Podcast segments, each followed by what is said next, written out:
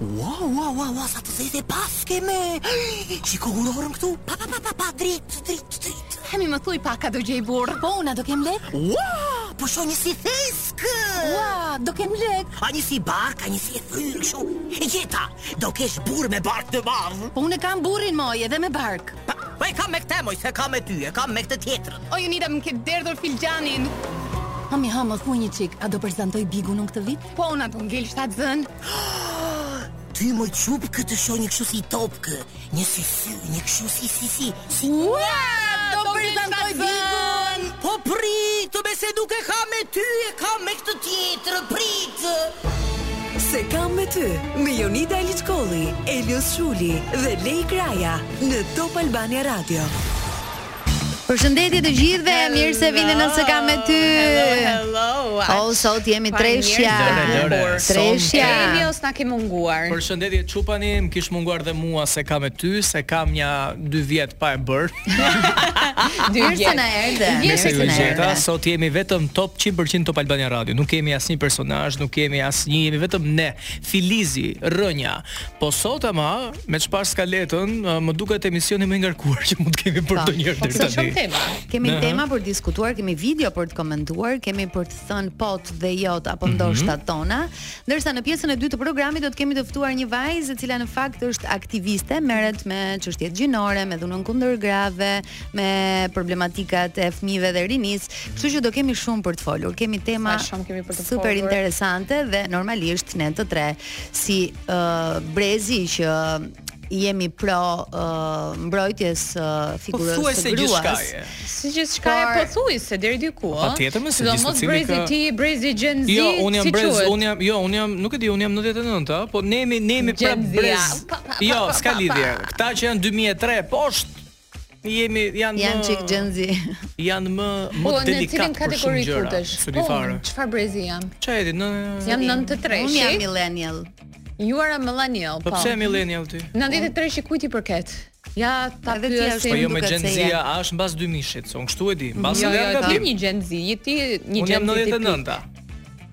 I think so.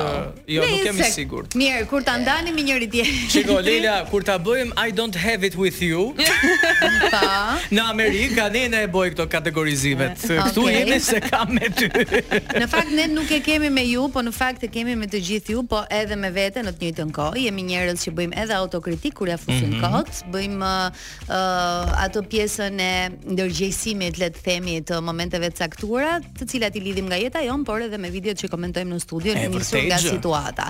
Uh, fjala kryesore e ditëve dhe javëve të fundit është pikërisht Big Brother, kështu që uh, gjithçka ka ndodhur aty do të komentohet në studio, por në një tjetër këndvështrim. Mm -hmm. Pra do të komentojmë dhe do të shohim pjesën e fenomeneve, siç janë xhelozia, uh, siç janë uh, Si ishte ajo shprehja slut shaming? Po, um, shaming. Si ps. Uh, e, e, ajo. Okej. Okay. si mund të përkthehet ajo Elios? E ngritja, ngritja e zërit, arroganca dhe gjithçka tjetër që po ndodh, uh, duke e lidhur atë me jo vetëm me jetën tonë personale, por edhe me rrethin që mm. që kemi pranë vetes. Slut shaming në shqip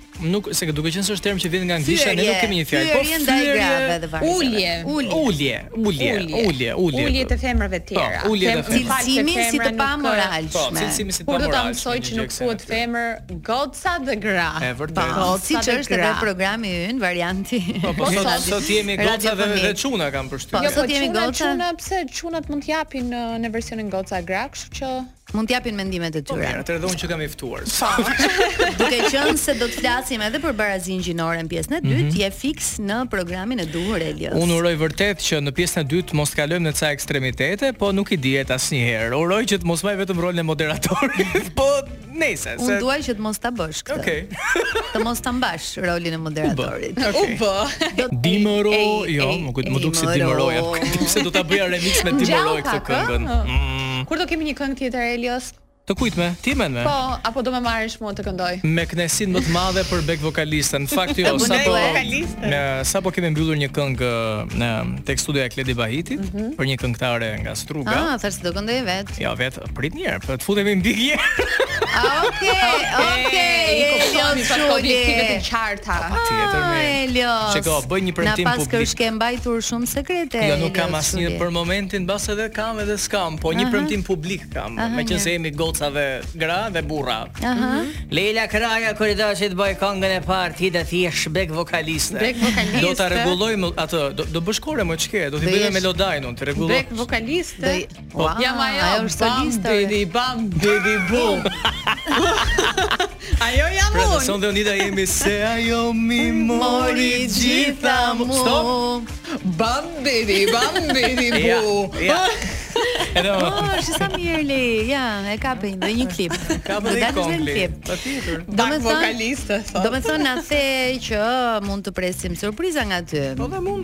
Meqë flasim për surpriza të lutem kaloj. Meqë flasim për surpriza dhe dhurata, ne sot për të gjithë ju që po dëgjoni Top Albania Radion, kemi një quiz shumë interesant, por fituesit do të jenë edhe më të lumtur. Është vërtet. Sepse dhurohet nga farmacia organike Besmira. Skin test, mm. scalp test dhe të gjitha produktet e nevojshme që do t'ju vijnë më pas nga ky kontroll që ju e dini sa të kushtueshme janë. Pra, nëse keni që kanë të bëjnë me lëkurën ashtu. dhe me flokët. Përfshihen dhe produktet, ë? Patjetër që përfshihen edhe produktet. Kam një punë me kësaj ore. Ne Besmirën e kemi patur në radio, ajo ka folur për nisjen e le ta quajmë një biznes më shumë dashamirës për të kuruar uh, problematikat e lëkurës dhe më pas u kthye në të suksesshëm sepse mm -hmm. njerëzit kanë pasur shumë feedback teksa e kanë zgjedhur. Problematikat kryesore janë ato të akneve, mhm. poret, mm -hmm. uh, sigurisht edhe rrudhat që ne gocat veçanti, domethënë uh, mbarojmë për to. Po nga ana tjetër e veçanta ishte por edhe te pjesa e flokëve. Absolutisht. Domethënë, nëse ju keni probleme me skalpin, tipit skalp i thatë ose mbase mhm. skalpi i yndyrshëm apo skalpi i irrituar. Ose duke përdorur një shampo që është totalisht e gabuar për flokun tënd, gjehet zgjidhja pikërisht në këtë formë duke bërë edhe një skalp test. Po ka një kusht. Kjo është dhurata. Hm. Duhet seç të gjeni. Se kuici sigurisht që dhuratën e ka joshëse. Mm -hmm. Po dhe një nivel vështirësi e ka tashi një çik. Një tek 10 sa është vështirësia e këtij kuici. Po mendoj që një 5. 5. Jo, më fal 6.5 deri në 7. Jo, mos e bëj të thjesht. Um, çik më shumë? Nja 8. 8. S'e di, na mbetet ta dëgjojmë. Gjithsesi ta dëgjojmë Ju e dini që duhet të gjeni personazhin është një audio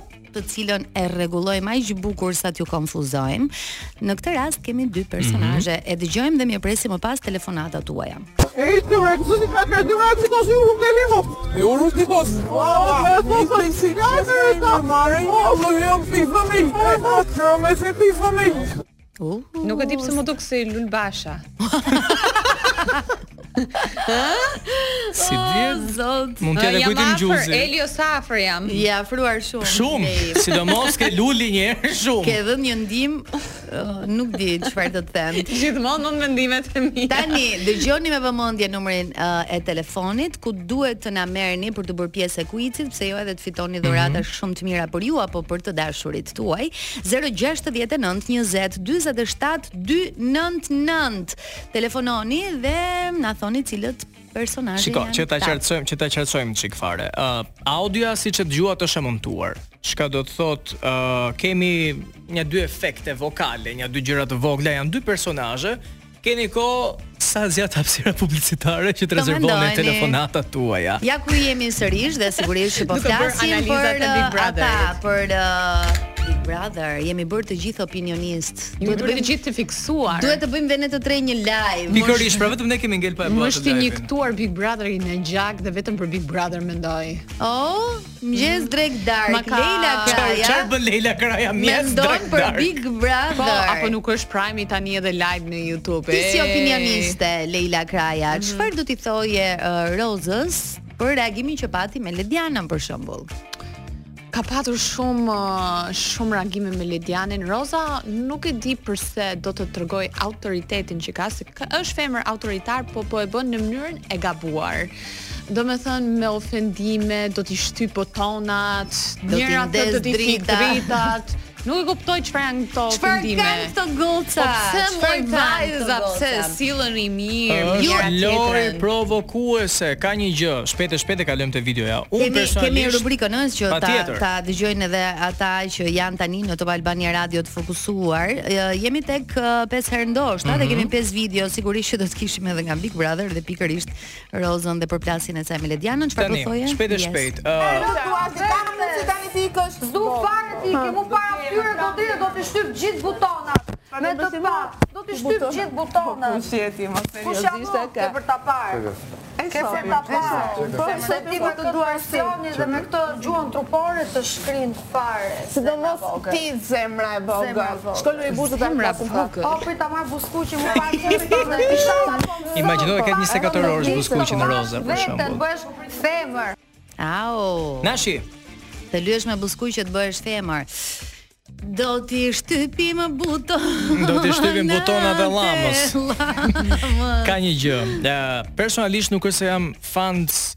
fans.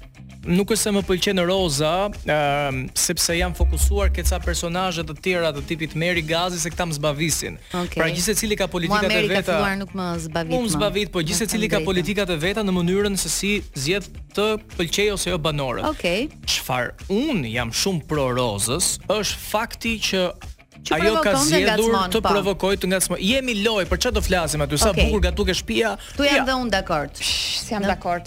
Kurse në këtë rast ë, jam pesë herë, jo. Në rastin me Ledionën ose në Me rastet Ledionën. me Ledionën në përgjithësi, Edhe në unë jam rastin tek edhe përmendja e te fëmijëve, divorcit, unë e jam fëmijëve. pesë herë jo dhe unë, sepse më duken ca raste të nxituara. Okej, kapemi me ca gjëra të tjera, Mhm. ngacmohemi, po në këtë rast më duket pak pa takt ose pak pa sens, se mund të kapesh me një mijë e një gjëra dhe aty brenda, jo vetëm jashtë. Nuk më nuk më bën jo, sens. Jo, nuk më pëlqen fakti që provokohet një person gjatë gjithë kohës ose të jetë Roza ajo që të provokojë, përse?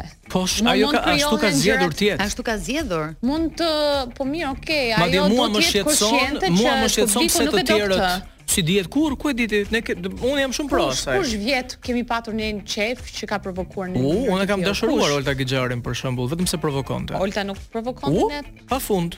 Provokim është dhe ajo me me me Ish... Efin. Ami, hajde. Edhe gjuj. Po, po nuk kaloj uh, në fazë fyerje apo ofendime jo, ishte apo edhe lozonjare apo goditje. Unë mendoj që Roza ka të drejtën ta luajë si të dojë. Dhe më, për Por, mua Por pa kaluar limitet. Mua më pëlqen që është dikush që ngacmon dhe provokon. Unë habitem si nuk provokon dikush tjetër aty, po më bën vërtet çudi. Mbase është dhe herët, nuk e di, po unë prisja që të kishte më shumë provokime. Po. Ka pa fund provokime aty. Për provokime.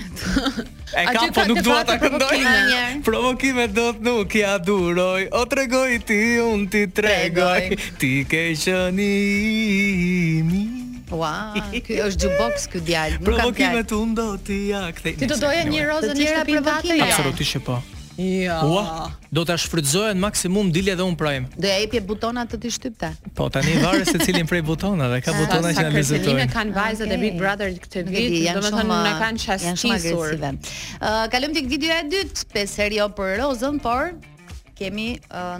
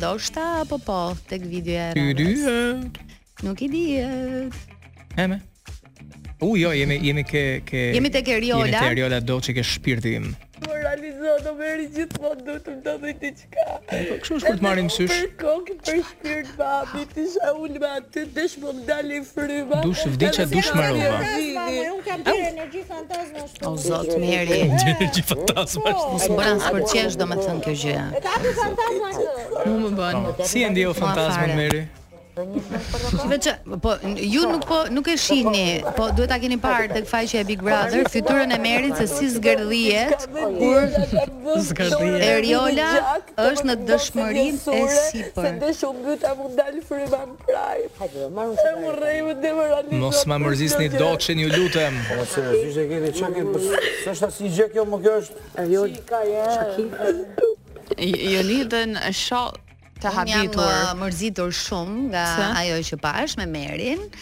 Ëm sepse nuk më pëlqen kur njerëzit shohin dikë tjetër që është në dëshpërim dhe ka diçka që nuk shkon apo nuk po ndihet mirë. Ë përveç se filloi këtu ka fantazma, ku di unë, e tmerroi edhe më keq, por ë, në momentin që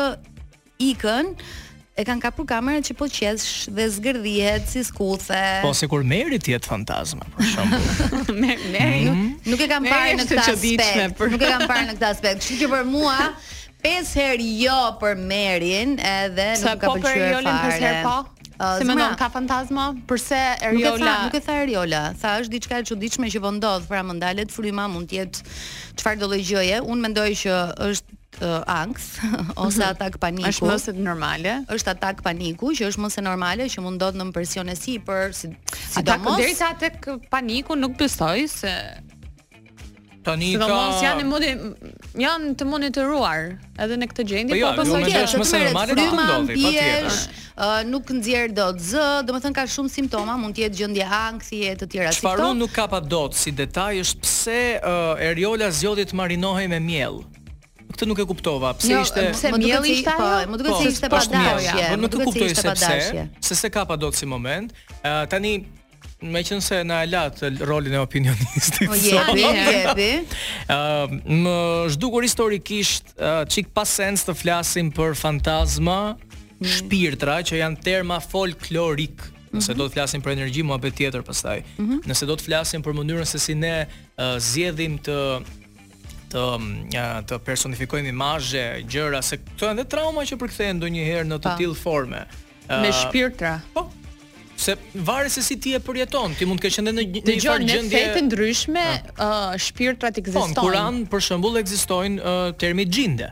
Po. Uh, në në në Bibël pastaj nuk e kam idenë fakt nëse nëse ka. Shpirtrat ekzistojnë. Okej, okay, domethënë në budizëm është energjia. Po, energjia. Ehm, po, të thuash këtu ka fantazma, uh, që është në shtëpinë më të famshme të Shqipërisë. Dhe këtyra Meri ishte këtu. Po un them që Meri është fantazma, vazhdo. Mirë ke. Un jam pesë herë jo për Merin. Dëgjoj, ke ke luajtur ndonjëherë atë lojën Ouija board ti Liam? E kam shumë qejf ta luaj, po nuk e kam gjetur. Është një lojë që është një pllakë një dras me gërma të ndryshme. Edhe lëviz me vërtet, mua më ka lëvizur. Ku ti lëviz uh, një Na lini rahat pash zotin me këto muhabete. Do ma ta shpjegoj çfarë është apo jo. Ti lëviz së bashku me miqtë e tu. Pa edhe Edina, aty cigare aty. Një platformë xhami dhe bën pyetje për njerëzit që nuk jetojnë më, po themi në këtë në këtë botë. E supozon që thot po ose jo. Mua më ka lëvizur Jonida.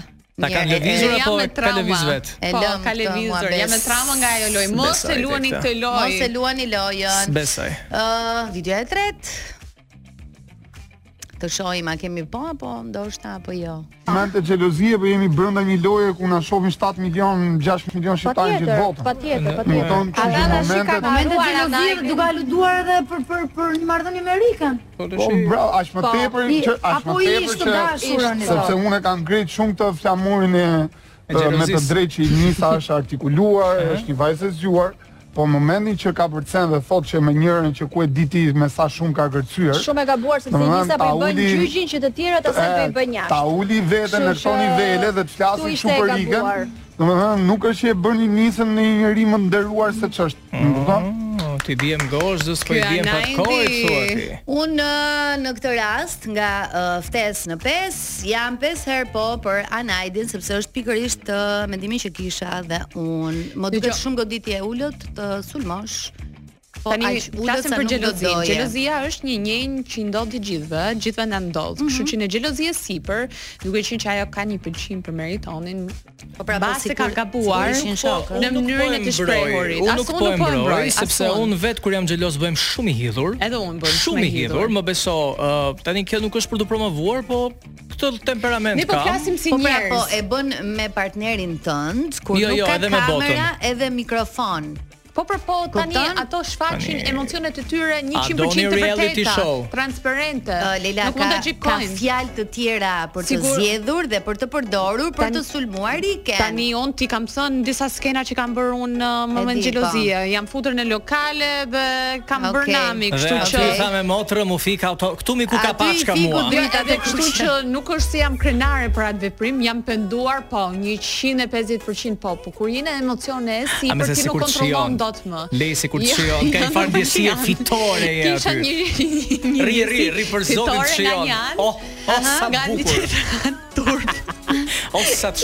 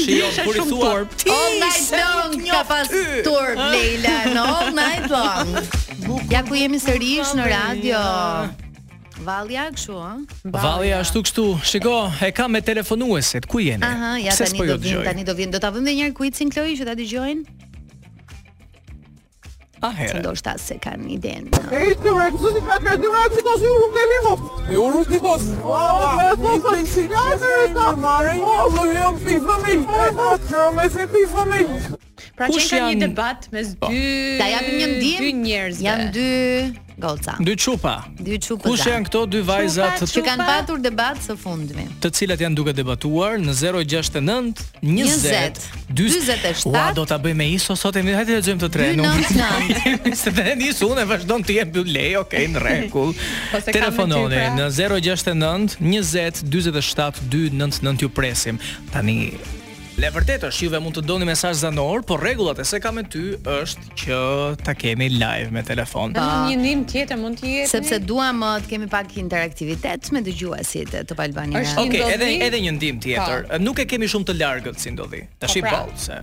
Pra janë dy vajza ose dy gra që po debatojnë, dhe ndodhia nuk është shumë shumë e Ja qameti mund të jetë deri te Big Brother.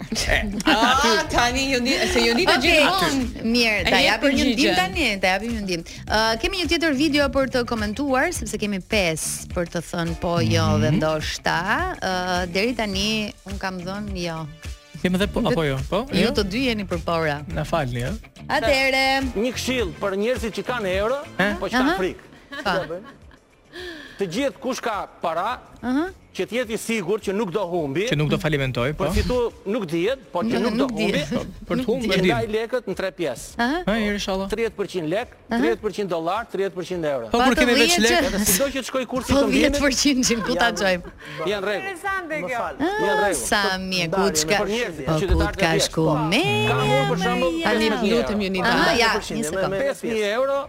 Pesë mijë euro të tjera t'i bëjë lekë, pesë mijë euro të tjera t'i bëjë dollarë. E fundit si pyetje, këto para t'i marrin prapë poshtë jastikut apo të bëjnë? Jo, të bëjnë ça të duan. A puna e vet. Bëjnë ça të duan. Këto nuk të ne.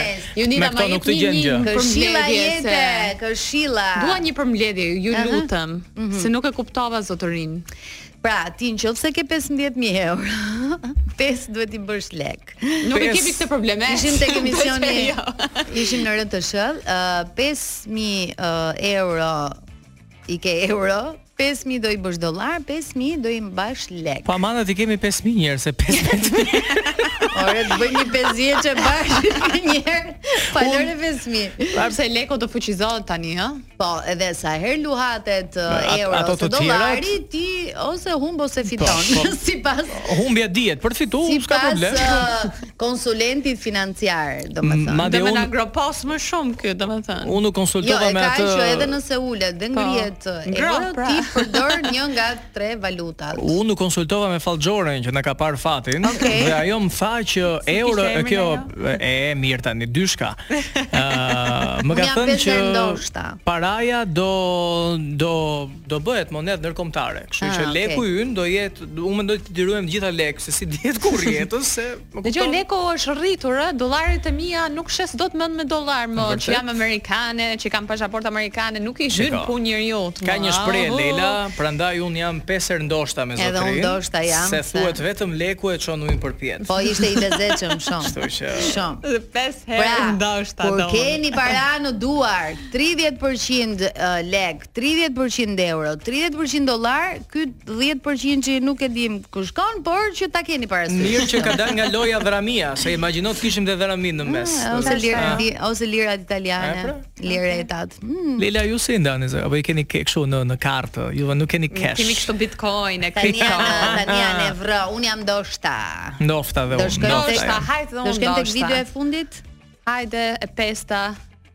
E pesta e vërteta. E pesta e vërteta. Njerëzit që kanë një lloj të themi stature në thonjëza, ruajnë më shumë komplekse se sa njerëz të tjerë që janë lishë një jetë tjetër. E ka për personazhe të njohur. Në intervista dhe ndërkohë, me sa shikojmë në realitet kanë gjithë atë jetën me probleme që kemi gjithsecili prej nesh. Po dhe aty praktikisht ne po çuditemi edhe ç'ne gjithë këta njerëz që ç'kjo, gjithë kjo sherr, gjithë kjo.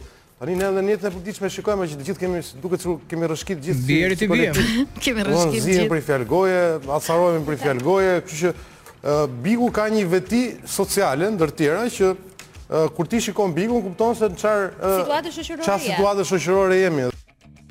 Unë jam pesë herë po me Arbrin, në fakt po ta mendosh uh, dhe ta quash reality, uh, gjërat emocionale edhe shprehen, mm -hmm. por uh, kam përshtypjen që kur je person publik duhet të kesh parasysh edhe sjelljen përballë kamerave, për pavarësisht se je brenda një reality. Mm -hmm. Kështu që për Arbrin dhe mendimin që ai dha tek në shtëpinë tonë, un jam pesë herë po.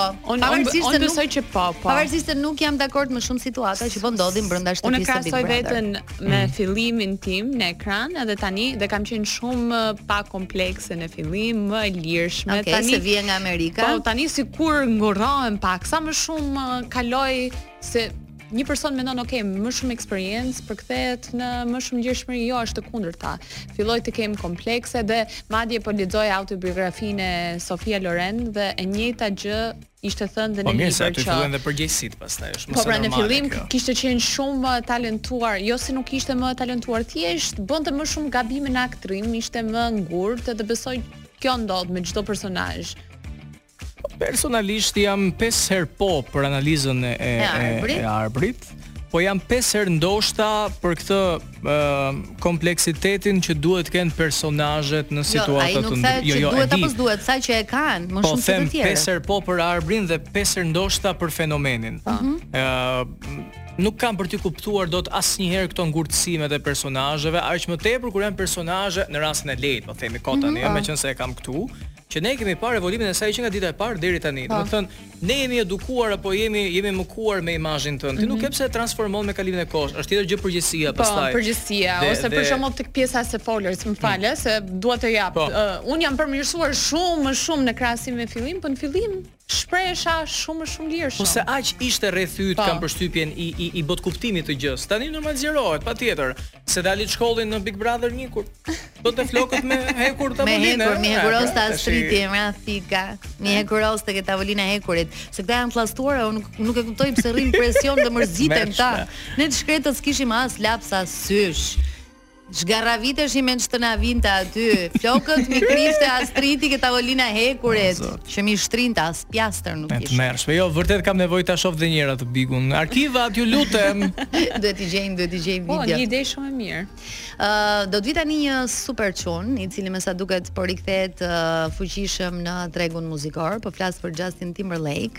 Ju keni qenë team apo jeni brezi team Backstreet apo NSYNC? Je, e unë e unë e kam e kam e kam kapur. Backstreet back. All right. Mua më pëlqenin të dy, edhe NSYNC shumë. Dhe NSYNC më pëlqenin vetëm nga Justin. Ja ku jemi sërish në radio për të vijuar eh, me kuicin. Është pak i vështirë, nuk keni faj, por dhuratat eh, që do të vijnë nga Organic Farmaci Besmira tek Myslym Shyri e gjeni shumë kollaj, është e njohur po ashtu për produktet e përgatitura vetë organike, është e specializuar pikërisht për prodhimin e këtyre produkteve dhe me uh, trajtimin e problematikave mm -hmm. siç mhm. janë aknet, skalpi i uh, kokës, lëkura, hidratimi i lëkurës, uh, por edhe gjithçka tjetër, çdo problematikë që ju keni, sidomos edhe njollat kafe që unë po shoh goxha rezultat. Ti mhm. Elios ke ndërmend të bësh ndonjë trajtim? Absolutisht po, duke qenë se vuaj nga lëkura e thatë si në fytyrë si në skalp, po e konsideroj që të lë një takim me me me Besmirën pa ju të dy. se jemi bërë një treshe e pandarë. Absolutisht po.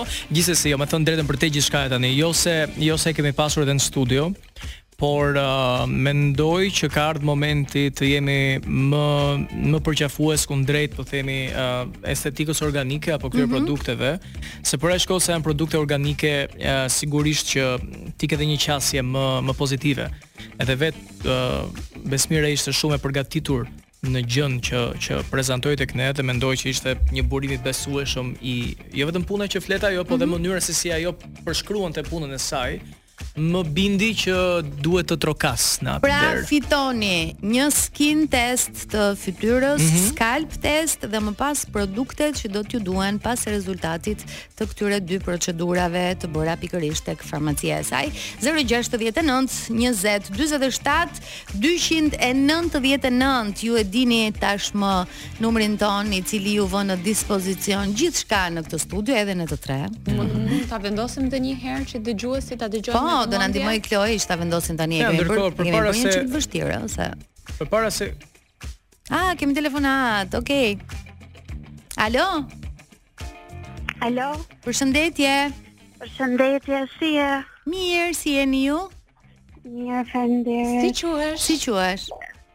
Unë quhem Sara. Sara. Sara, sa zë të ëmbël paske moj gocë. Sara, do të pyesim cila është motoja jote në jetë? Ah, po ja, xhiro me makinë kur je qetësi. Mhm. Mm Kaloj pak kohë mirë me veten, në në të dëgjoj juve. Ajde, oh, Sara, ajde, qenke romantike. Moto e thjeshtë. Sara, je single ti sa vjeçe je?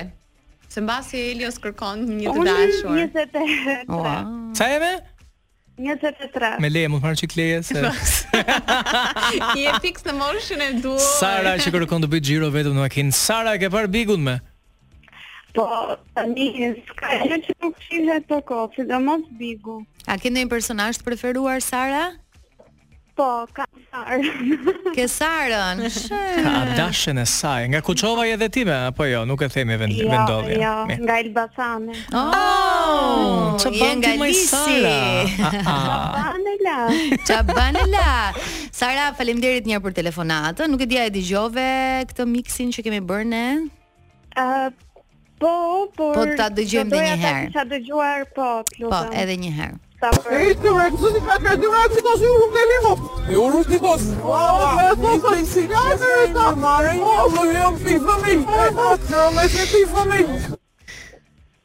Hë mi Sara, t'u duk e vështirë?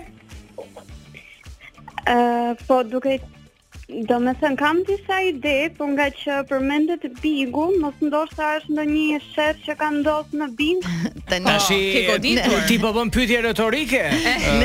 Ne ta dhamë një ndihmë. E kthe në përgjigje, pra. Aha. Uh, Pra, një sherr që ka ndodhur në Big këto kohë. Duhet të gjesh personazhet, domethënë kush janë. Kush janë? Tani mund të jenë nga Big Njëshi, më s'i dihet asnjëherë, po. Mos e ngatërro gocën. Mirë, na falni. Ëh, uh... jepi Sara. Nuk është Sara, kaq po të ndihmoj. Kjo Jonida ndihmon shumë Sara. Mund të jetë edhe Roza me Donaldin, ë, po nuk i dihet asnjëherë. Oh, po boll e ngatërrove. Se dua të fitoj. Uh, Jepi Sara. Do të të jap dhe një ndihmë me Vistin. Ta mbaroj një herë ndihmën pastaj përgjigju. Po. Ëh.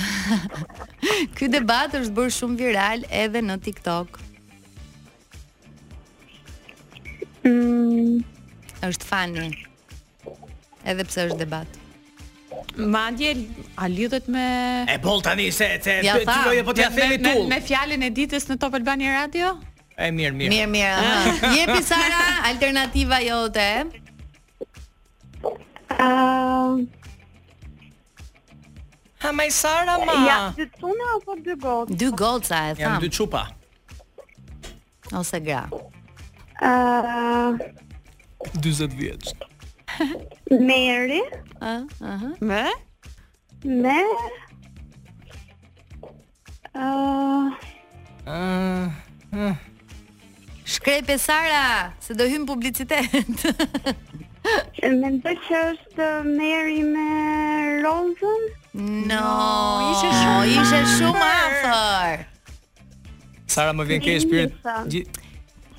Ni e. Ah.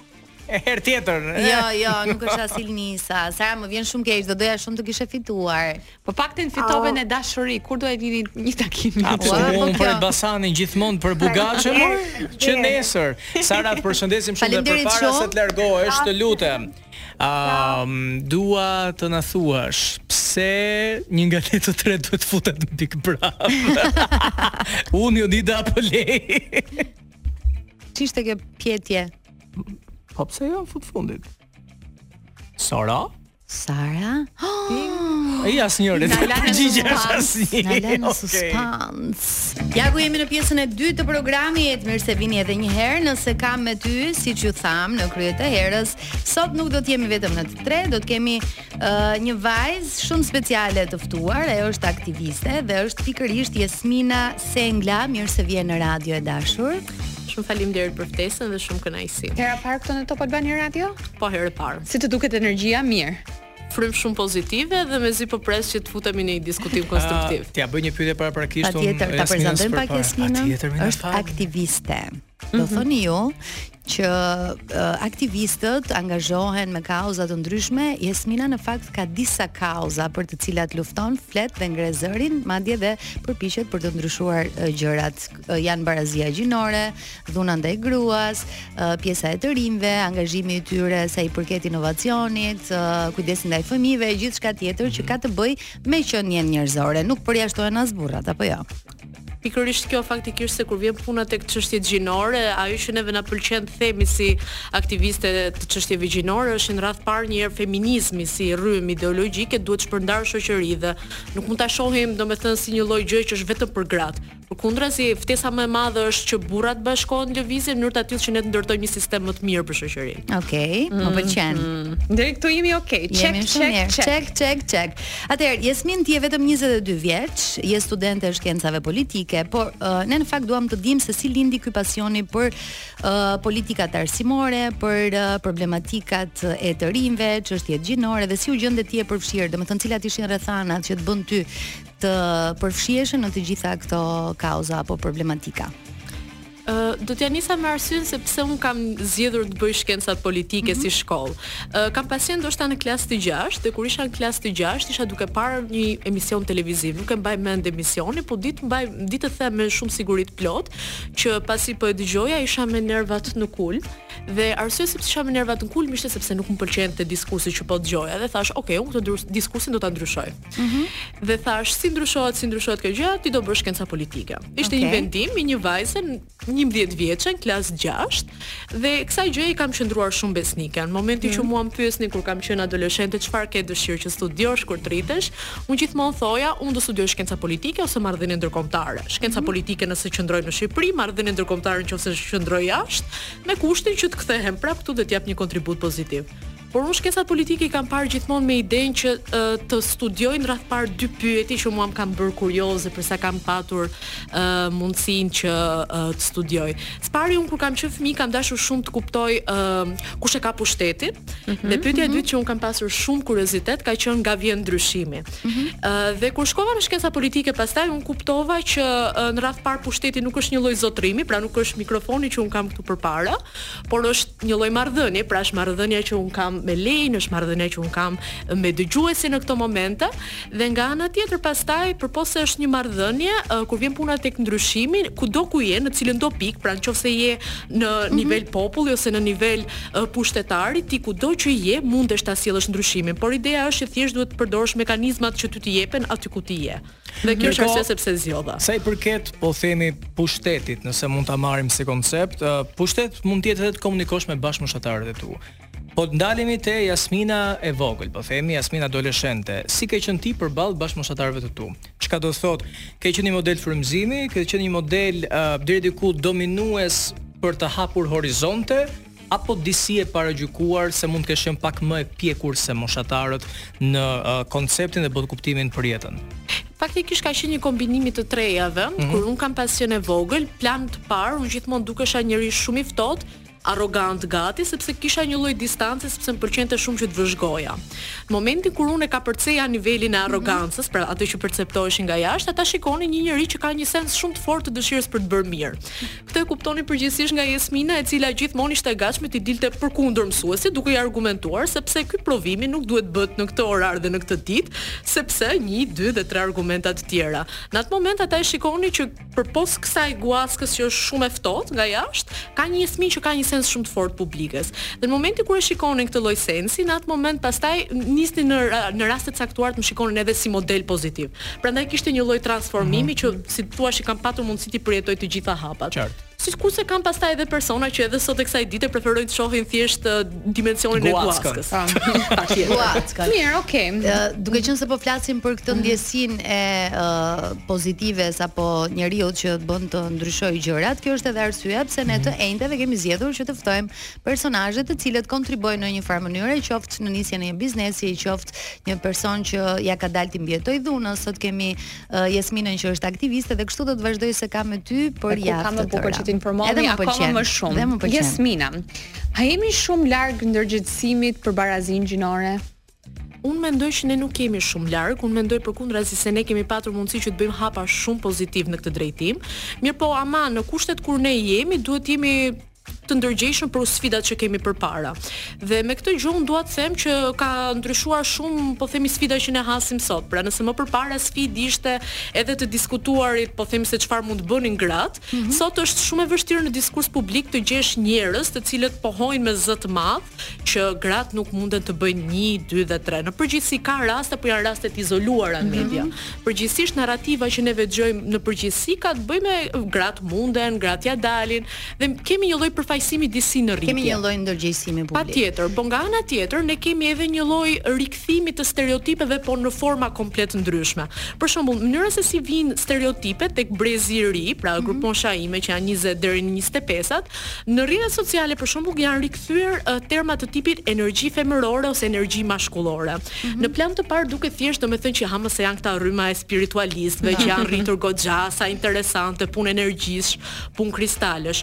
Por në momentin kur ti e dëgjon me shumë kujdes se çfarë ata janë duke thënë, ë, ata janë duke thënë që në qoftë se ti je një vajzë e cila është agresive në raport me objektivat që kërkon të arrijë, Ti nuk je në feminilitetin tënd të plotë, por përkundrazi ti po përfaqëson ose po përqafon një energji mashkullore. Dhe kjo energji mashkullore në fakt ty nuk të vjen nga kjo dëshira që ti ke për të arritur një sukses të caktuar, po ty të vjen kështu për shkak se ti ndihesh e pasigurt. Dhe ti duhet ta lësh në pah këtë pasigurinë tënde, pra ti duhet ta braktisësh këtë aureolën e fortë që ti ke, që këta e kategorizojnë si energji mashkullore dhe ti duhet të përfaqësosh një gjë që konsiderohet si më feminile. Që është më feminile. Dhe meqë jemi tek barazia gjinore, mm. e preku pak Lei, uh, dua të di ndryshimin, uh, se ka njerëz që mund të jenë konfuzë ende.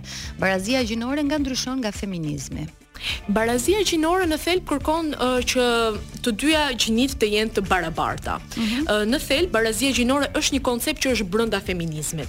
Feminizmi pastaj nga ana tjetër është një set bindjesh, pra është në atë që do ta konsideronim neve të shkencave politike do thonim mm -hmm. që është ideologji. Po ideja e feminizmit është që është një botëkuptim se si duhet ndërtuar shoqëria dhe në thelb feminizmi kërkon që uh, shoqëria ta ketë të inkorporuar konceptin e barazisë gjinore. Po aty ku uh, feminizmi është pak më i gjerë se sa barazia gjinore pastaj është se feminizmi kërkon që ne të ndërtojmë një model se si kjo gjëja bëhet. Barazia gjinore thjesht thotë burrat dhe gratë duhet të jenë të barabartë, pra duhet të jenë të barabartë në të gjitha mhm. sferat e jetës, pra 50 me 50. Ndërkohë që feminizmi pastaj ngre në diskutim si supozohet të bëhet kjo 50 me 50. Pra nëse neve themi që duhet të jetë 50 me 50 tek punët e shtëpisë, mhm. si supozohet ta masim këtë 50 me 50. Pra domethënë 50 nënkupton që ndajmë këto detyrat e shtëpisë dhjetë me dhjetë, dhjetë njëri dhjetë tjetri, mhm. apo këto duhet t'i ndajmë për shembull në bazë të aftësive specifike që ka njëra gjini dhe tjetra, kjo edhe për shkak të roleve që kemi patur. Kështu që në thelb feminizmi është ky debati më i gjerë se si supozohet bëhet barazia mhm. gjinore, ndërsa barazia gjinore është thjesht parimi. Por në thelb është një parim që është brenda për brenda feminizmit dhe e, në thelb feminizmi kërkon që këtij parimit t'i gjejë një mjet të përshtatshëm të, për ta përkthyer në shoqëri në formën më praktike të mundshme. Mm -hmm. Ti je feministe? Po, unë jam feministe. Mm -hmm. Për cilat kauza uh, dëshiron të luftosh më shumë. Pra, te kjo pjesa që folëm që ka të bëjë me barazinë gjinore apo tek pjesa që e grave që ja dalin, që janë më superiore?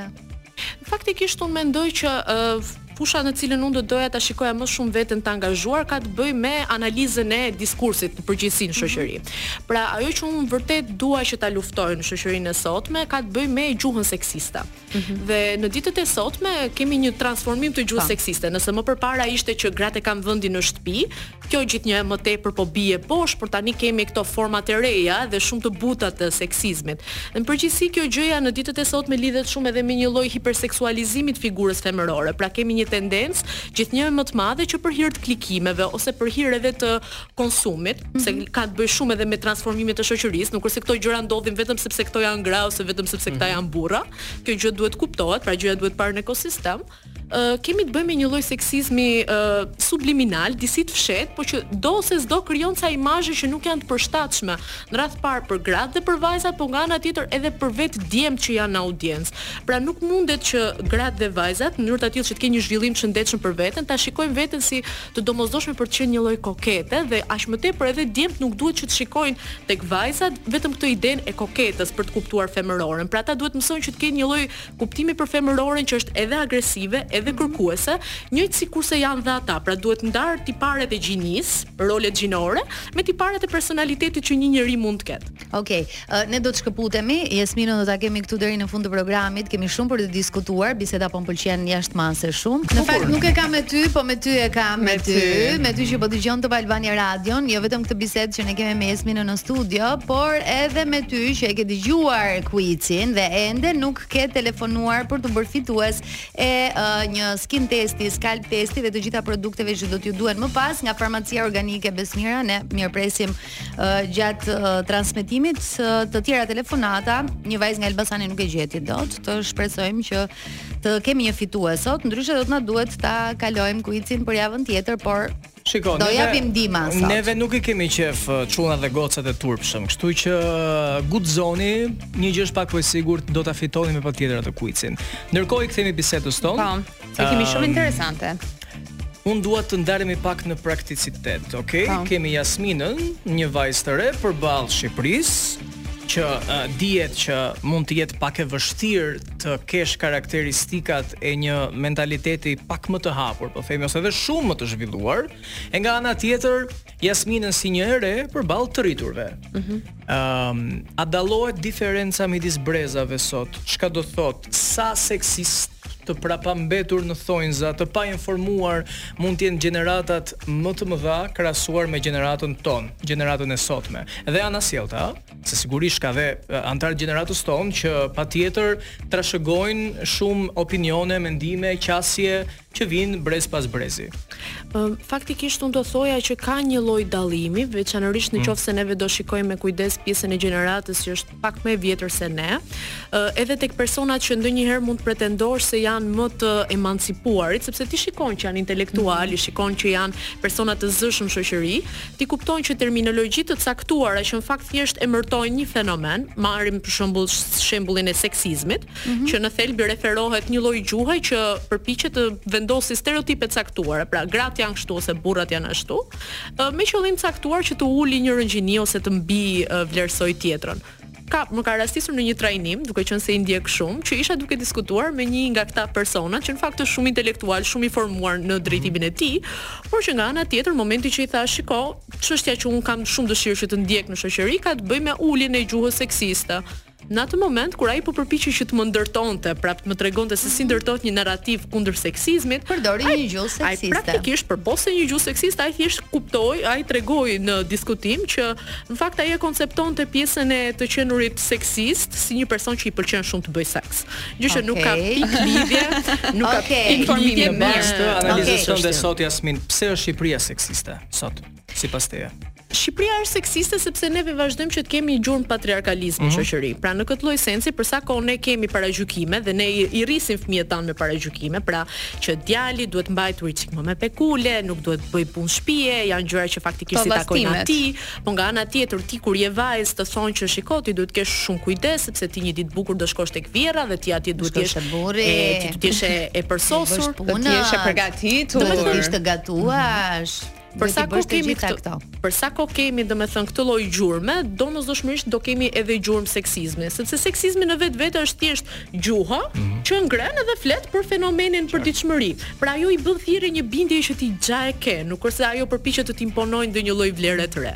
Uh, Kloi na njofton që kemi një telefonatë, uh, Jesmina ti do jesh uh, dëshmitare se si ne të tre ndihmojmë publikun të fitojë dhurata. Uh, alo? Alo, përshëndetje. Përshëndetje. Si je? Si quheni? Unë jam Ada. Ada, Ada. mirë se erdhe në Top Albania Radio. Nuk e di a e ke dëgjuar uh, kuicin, ne do ta vendosim prapë, po gjithsesi faleminderit që u bëre pjesë një herë. Ta pyesim Adën me çfarë merret. E kemi ndjekur emisionin se fatmirësisht për ju Tirana ka mjaftueshëm trafik dhe mund ta dëgjoja në makinë rehat. Oh, sa mirë. Më vjen mirë jo për trafikun, por që që na dëgjoni. Ada me çfarë merresh? Pikë së pari të të njohim më shumë nga afër.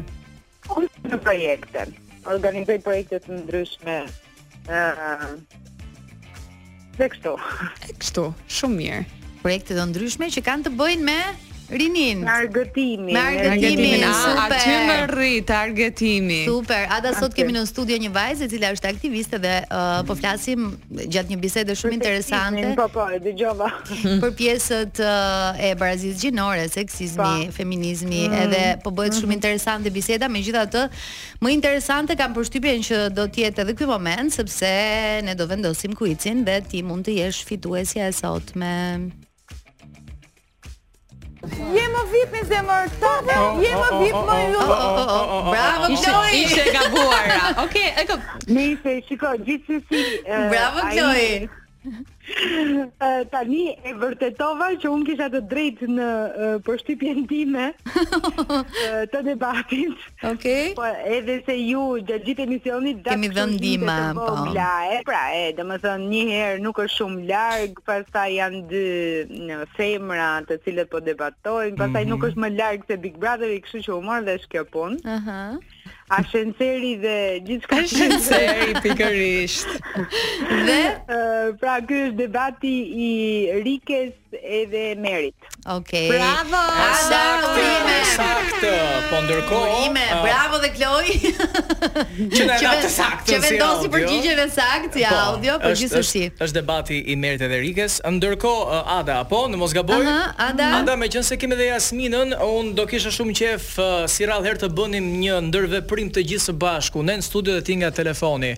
Uh, ke pasur në punën tënde, në jetën tënde raste kur je ndier, po themi, uh, e nuk do thoja termin e shtypur, po që e ke kuptuar që mund të jenë bërë diferencime me punën apo stilin të jetesës nga nga nga gjinia tjetër, nga fakti që je vajzë. Të paktën në lidhje me punën mund të them me siguri që ne jemi një shoqëri ekstremiste maskiliste. Uh, pasi shumica e posteve drejtuese sigurisht që i mbajnë meshkujt edhe kur ti je një femër përballë një uh, grupi meshkujsh në mbrëm në, në mbledhje të caktuara uh, sigurisht që vëmendja është më më si me thënë uh, më e ulët përkundrejt asaj ndërkohë që ne jemi në një tryezë rrumbullake secili drejton uh, pjesën që i përket mm -hmm. Po.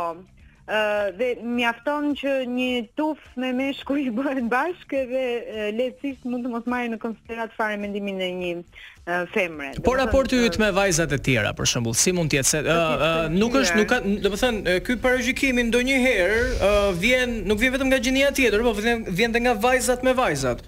Më shumë nga vajzat me vajzat. Në kompaninë ku un punoj, mm -hmm. 70% e tyre janë vajza. Mm -hmm. Edhe sigurisht që ne kemi një marrëdhënie të shkëlqyer mes njëra-tjetrës. Sinqerisht, nuk e them tani sa për të le të themi ë sa për të bërë çop. Për këtë mitin që qarkullon vërdall, po realisht është kështu.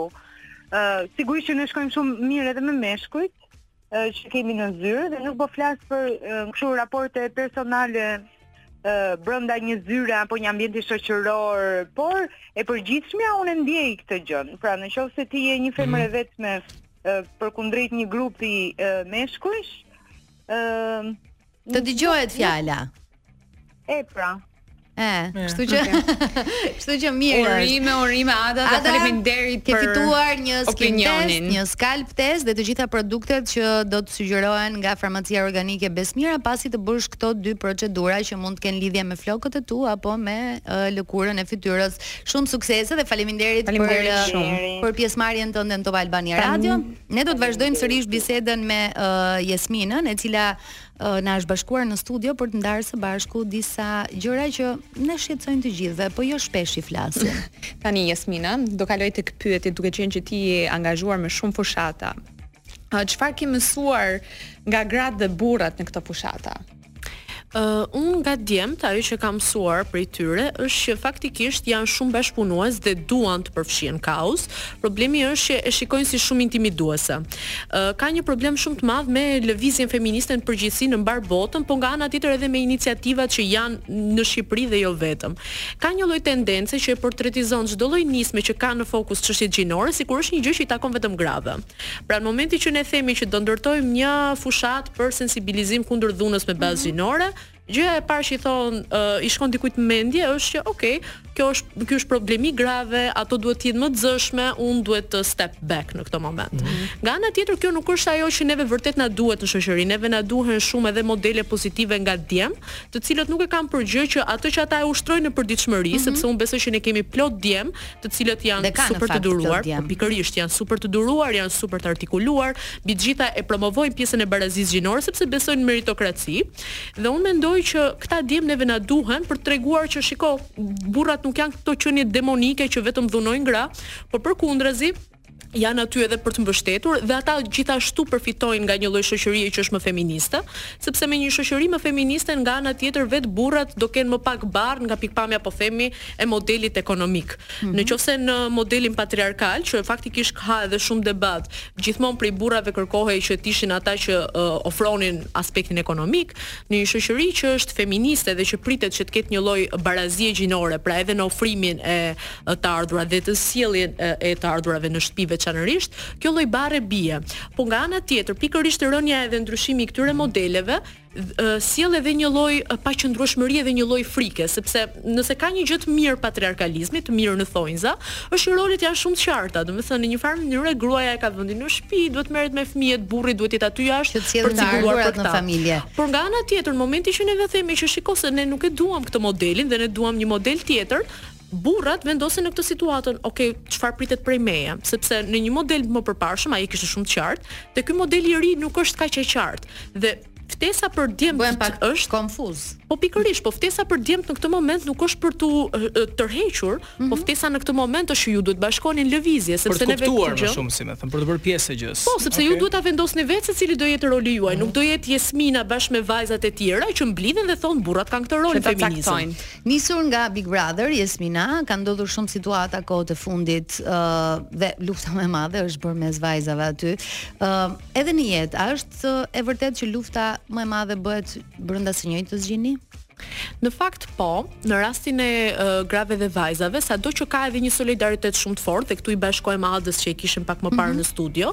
Nga ana tjetër, sa ç'të fortë e kemi solidaritetin mes njëra tjetrës, për shkak se kuptojmë sfidat, dimë dhe vështirësitë, aq e kemi edhe agresivitetin, sepse në qoftë se neve nuk kemi shpëtuar nga gjurmët patriarkale brenda nesh, që nënkupton që duhet me kuptu që vetë gratë në vetvete kanë bindje seksiste. Pra nuk janë vetëm burrat që na shikojnë neve si objekte, po jemi dhe ne që fillojmë dhe shikojmë veten si objekte dhe përkundrazi neve konceptojmë sikur ne jemi në garë me të tjerë për të qenë objekti më i bukur. Hmm, dhe kjo është arsyeja. Mirë, mirë, po. Dhe kjo është arsyeja gjithë ato drejtime. Dhe kjo është arsyeja sepse domethën duhet që neve të promovojmë barazinë gjinore si model edhe feminizmin, sepse në këtë lloj mënyre edhe gratë çlirohen nga kjo lloj mendësie, po edhe burrat nga ana tjetër. U, u riktheve prapë tek uh, pjesa e feminizmit. A, a është e vërtetë që abuzohet ndonjëherë me feminizmin, me konceptin e feminizmit, sepse kam hasur shumë herë që ose janë konfuz se çfarë do të thotë tamam ose thjesht abuzohet uh, edhe është për modë, është për për modë, edhe edhe edhe për të shtuar pak këtë që the ti, unë edhe në media sociale, në rrjete sociale, edhe nga faqe të ndryshme shoh një mhm. farë uh, abuzimi apo një farë agresioni me këtë termin Po mbase edhe nga persona që mund të pandehen feministë ose feministe, mm -hmm. ka një farë qasje agresive, të cilën unë e shoh më shumë si kundrejt djemve. Po jo vetëm kundrejt djemve, po dhe vetë vajzave ndonjëherë, që mm -hmm. unë e mhm. shoh më shumë si si si mos informim apo dizinformim se sa hajde dhe uh, emancipojmë këtë turmën po. apo informojmë këtë turmën. Ty Jasmin si të duket? Po, faktikisht ka diçka, është një që neve brenda grupit tonë të feministëve e quajmë si feminizmi rozë okay. dhe bëjmë bëjmë shaka me këtë term faktikisht sepse i referohet kryesisht uh, grupimeve që feminizmin e, konsider, e konsiderojnë vetëm sikur uh, mjafton të thuash që ti mundesh sepse ti je vajzë dhe kjo ty të bën uh, të jesh mbështetëse e feminizmit. Faktikisht kur vjen puna tek feminizmi është diçka që neve si po themi si grupim edhe si nga ana tjetër që e mbështesim si ideologji ne nuk themi që ti mundesh se je vajzë, por ne faktikisht jemi të qasjes që ne duhet të gjithë të jemi të aftë të realizojmë gjithë gjërat që duam të bëjmë në jetë, pavarësisht nëse jemi burra apo nëse jemi gra. Kjo është ajo që na bën vërtet feministë. Pra abuzohet. abuzohet, ka për shembull kontingjente të caktuara të personave që e identifikojnë veten si feministë, të cilët në fakt të faktit kanë një lloj gjurme shumë të fortë patriarkale. Për shembull, ata pretendojnë se është shumë në rregull që gratë të jenë super të fuqishme, por nga ana tjetër, në momentin që është fjala për të paguar kafen, thonë që kjo është detyrë sepse i takon atij personi po. tjetër që është i gjinisë mashkullore. Kjo faktikisht vjen nga një model po. problematik sepse është një lloj shoqërie tranzitore, siç është problem për burrat, të cilët duhet mhm. të gjejnë veten në këtë modelin e ri që është në bërje, pra që s'është bërë akoma, mm -hmm. pra mhm. modelit feminist, ashtu është edhe për gratë. Pra gratë po kalojnë nga një fazë në të cilën pritej që çdo lloj gjurmë ekonomike ta kishin gati prej burrave, në një fazë në po të cilën ato e marrin anën ekonomike, por nga ana tjetër janë rritur dhe me pritshmërinë që ata duhet të marrin dhe këtej. Mm -hmm. Dhe në këtë lloj situate ka një lloj konfuzioni, jo vetëm të roleve, po ka edhe një lloj tendence për të patur, domethënë, gratë të cilat duan të përfitojnë nga kjo gjë. Pra po flasim për feminizmin dhe jo vetëm. Ajo që unë doja të dija është uh, kjo uh, ndarja Jesmina e e gjërave dhe që të jemi të qartë. Njerëz që thonë uh, unë jam feministe, të them që gratë ia dalin, nuk është se janë antifeministe. Thjesht nuk e dinë konceptin e saktë të asaj që duhet të presin nga feminizmi apo nga barazia gjinore. Dhe unë doja të të pyesja nëse unë jam apo jo. Pra unë nuk pres që të më qerasë një burrë, uh, paguaj vetë, sigurisht. Nuk është se të bëhet qejfi. Sigurisht që nuk më bëhet uh, nuk do të nëse të le ta ton Andi një tjetër. Po. Pra, po dua të them që unë kam dëshirë, domethënë kam dëshirë të qeras, por sigurisht që më pëlqen edhe kur më qerasin. Ë uh, nuk e ul uh, një vajzë apo një grua, edhe nëse jam në nerva e sipër, mund të kem argument për të debatuar apo për të diskutuar me të, por nuk e prek në pika të cilat nuk do doja të më preknin mua. Mm -hmm. Hë, si jam. Po varet. Feministe. Unë patjetër që unë unë të konsideroj feministe në këtë lloj prizmi, thjesht një sqarim të vockët. Ë uh, aty ku bëhet dallimi po themi mes një mhm. personi mm -hmm. ose një gruaje që është feministe ose jo në raport vetëm me këtë pjesën e të paguarit të okay. kafeve. Ja, unë mora si shembull po, po, tejet po, po, uh, banal sepse ka shumë gjëra të tjera. Sigurisht, e thashë sepse është ndoshta më i prekshëm, mm -hmm, domethënë, po. cilën me gjithë mend e dimë.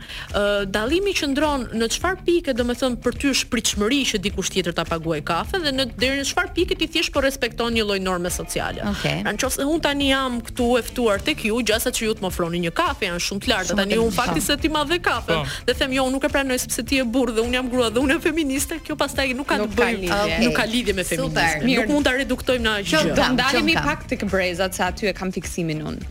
A po kritikohet më shumë se ç'duhet brezi Gen Z apo janë vërtet një pjesë e mirë e tyre ende në kërkim të gjejnë veten, se ku janë më të zotë, sepse ne i cilësojmë si si brezi dembel. Dembel, me thënë të drejtën. Faktikisht unë do thoja që më shumë se sa brez dembel, jemi brez i përhumbur. Dhe arsyeja sepse ne po, jemi brez i përhumbur, s'kanë gjetur veten. Mhm. Jo, arsyeja sepse ne nuk e kemi gjetur veten është sepse ne jemi gjatë gjithë kohës të bombarduar nga informacioni.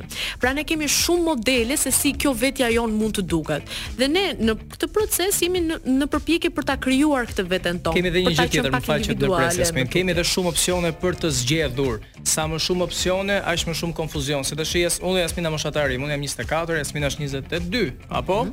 Ëh, mm -hmm. uh, Nuk do ta quaja përtace, po mendoj që mungon shumë orientimi drejt te pse, pasqyrës të së ardhmes, mendoj unë për veten time. Ose modeli, duke qenë që keni shumë opsione. Po ja keni dy raste, këtu unë kam nisur uh, punë që 19 vjeç, mundësisht katër punë, Jasmina po ashtu ka një qasje që është tejet Nuk do thoja që lidhet me leadershipin, po është tejet europiane dhe botërore për këtë Shqipërinë tonë të vockël, pra ka dhe nga këto natyra, ka dhe nga këto natyra që janë në një pikëpyetje në një përhumbje. Mendoj që është shumë e thellë kjo gjëja sesa vetëm gjeneratës tonë. Është po, lidhet me arsimin, është shumë shumë e gjerë. S'lidhet vetëm te gjenerata. Lidhet pra. me informacionin, pra, po. të shpërndarjes së gjës mm -hmm. edhe të mendjes apo të të të, fokus, të kanaleve të cilat ofrohen. Pra një ditë ti zgjohesh dhe do të jesh pjesë e një televizioni, të nesërmen thua nuk është për mua, dua të punoj në informatikë apo ku di unë edhe mhm. kjo konfuzioni ndoshta mua më bën të kuptoj që ndonjëherë janë edhe pak dembelë sepse më ka ndodhur Jasmin të intervistoj disa të rinj të cilët uh, ende nuk e dinin se çfarë donin të bënin me jetën edhe pse donin të ishin gazetarë të shkruanin në portal por pastaj kishin shumë probleme me drejtshkrimin dhe kur unë i thashë dëgjo se nuk je për mhm. këtë punë ok s'ka gjë se unë do dal në televizor domethënë janë ca shprehje ca uh, ca qasje që të paktën këto vitet e fundit që më ka ndodhur teksa flas me të rinj të këtë kësaj moshe nuk e dinë dhe nuk nuk, nuk e kanë ende të qartë se çfarë duan të bëjnë. Po. Megjithatë unë do doja të ndalesha në një tjetër temë, në një tjetër temë shumë delikate e cila na prek të gjithëve që ka të bëjë pikërisht me femicidin. Kohët e fundit kemi dëgjuar histori pafund të trishta deri në palcë të dhunës ndaj vajzave apo dhe uh, marrjes së jetës së tyre. Cilat janë pengesat në ndërgjegjësimin apo krijimin e strukturave për parandalimin e femicidit në shoqëri edhe në Shqipëri, më ekzaktësisht? Uh, në radhë të parë njëra ka të bëjë me sërish me pjesën e ndërgjegjësimit dhe mënyrës se si ne kemi ndarë rolet në shoqëri. sepse bëhen unë e di dhe ne të gjithë e dimë dhe jemi koshientë që bëhen fushata pafund, bëhen programe televizive pafund, ka njerëz që flasin pafund dhe sërish ndodh. Lidhet shumë me një mënyrë se si portretizohen gratë dhe kjo ka të bëjë me modelin patriarkal të mendësisë. Në përgjithësi gratë perceptohen edhe si pronë e burrit. Kjo gjëja është një gjë që ne kemi e kemi akoma prezente, normalisht është në zbehje.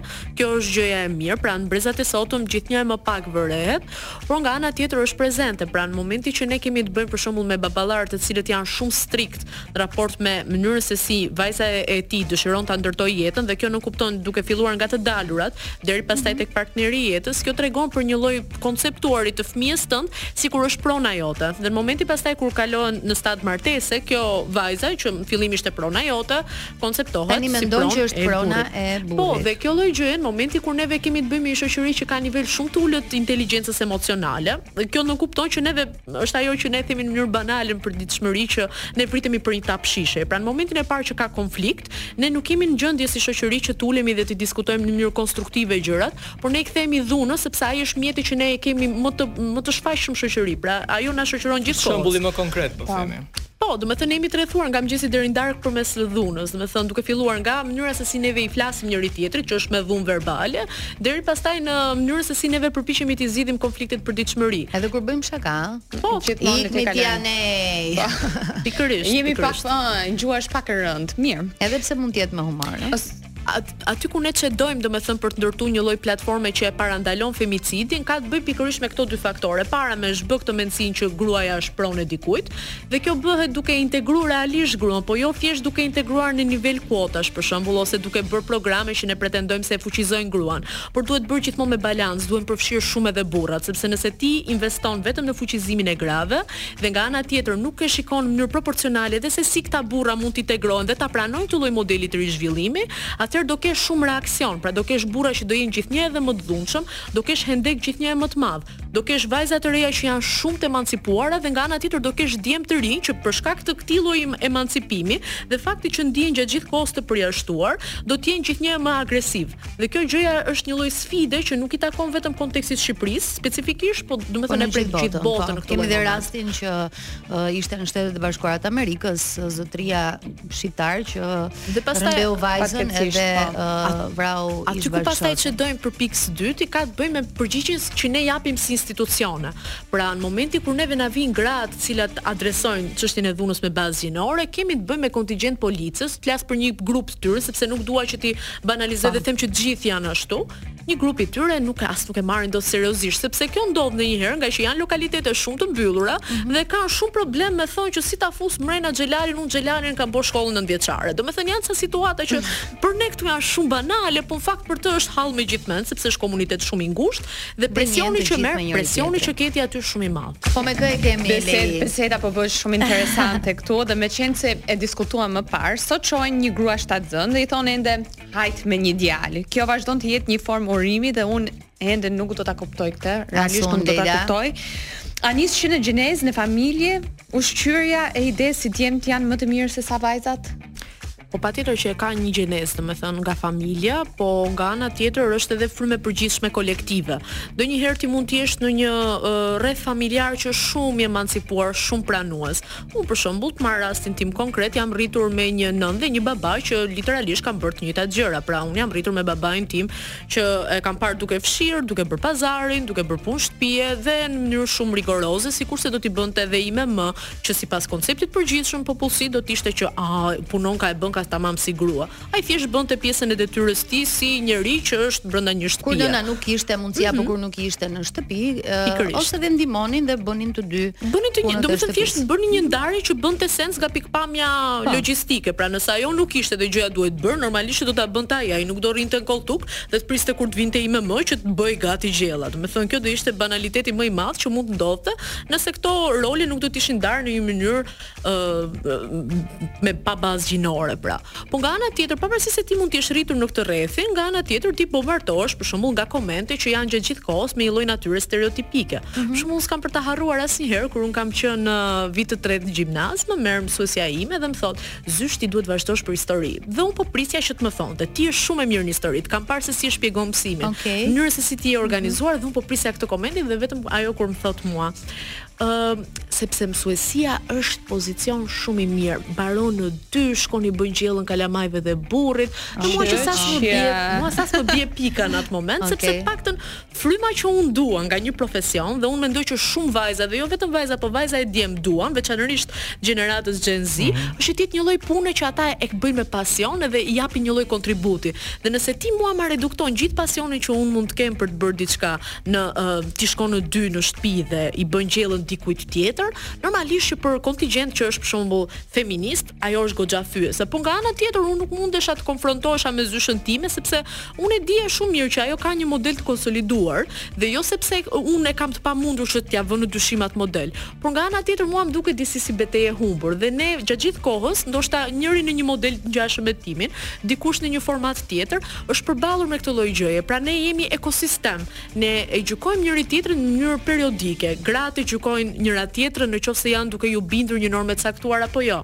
Në momentin që janë shumë ose perceptohen sikur janë shumë provokative, përdorin nuancën negative ndaj tyre, thonë që ato janë veshur edhe tre pika.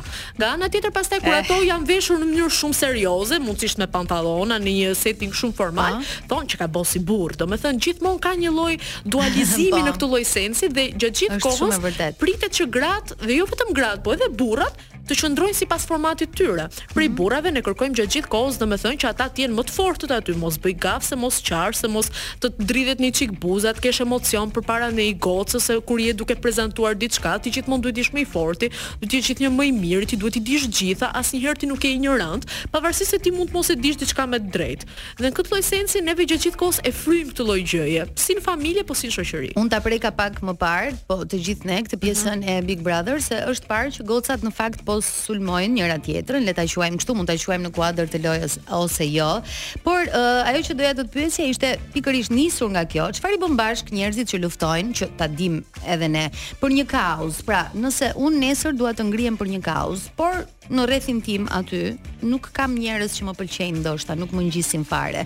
Ëm ehm, uh, si duhet të funksionojë një marrëdhënie e tillë? Pra ne jemi të katërt së bashku, do të dalim, do flasim, do ngrejmë zërin, do do lobojmë për të arritur një qëllim të caktuar, por në fakt nuk pëlqehemi me njëri tjetrin. Si t'ia bëjmë? E Faktikisht neve në modelin tonë në Shqipëri për shembull kemi treguar që nuk kemi funksionuar shumë mirë te kjo pika se neve okay. kur s'kemi rënë, për shembull kur s'kemi rënë dakord dhe këtu është jemi të sinqertë me realitetin, ata thjesht domethënë kanë bërë katër kauza të ndryshme. Okay. Pra njëri ka për, për protestuar te bulevardi, po. tjetri tek sheshi Nënë Tereza, një tjetër pastaj e ka bërë te sheshi Skënderbej. Ditët e sotme ka një lloj ndryshimi pozitiv, disi po themi, të gjitha këto grupe që sado që s'bëhen bashkë me njëri tjetrin, mm -hmm. janë duke u afruar me uh, shoqi shoqin edhe po krijojnë një lloj sinergjie. Po e krijojnë këtë, po e krijojnë një lloj sinergjie, sepse jemi të detyruar, nuk e kemi luksin që ta bëjmë. Për shembull, Elona Duro që sapo erdhi në radio dhe pas pak tu. fillon Big Brother Radio. Mos kemi një energji. sapo u bashkua, ja, domethënë, nëse do bashkohesh me Elona për një kauzë caktuar e kemi aktiviste Jesminën, cila do të ishte për shembull kauza me energjinë që sapo të dha. Për çfarë lufton ti Elona Duro? Për Big Brother.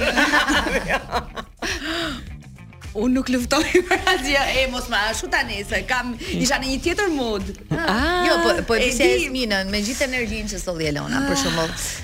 Me gjithë energjinë që solli Elona, unë do bashkëpunoja me Elonën për gjithçka që edhe unë dhe Elona e konsiderojmë si të drejtë. Okej. Okay. Kështu që në këtë sens unë jam me ty. Unë jam e sigurt që Elona pavarësisht se në këtë moment nuk është për t'u futur nëpër kauza sociale sepse ka prioritete të tjera, në momentin që ajo do të ishte e gatshme për t'iu bashkuar një çështje, unë jam e sigurt që edhe unë dhe Elona do të po, Në fakt jemi bashkuar edhe unë dhe Elona në shumë protesta që janë bërë për mbrojtjen e vajzave dhe grave.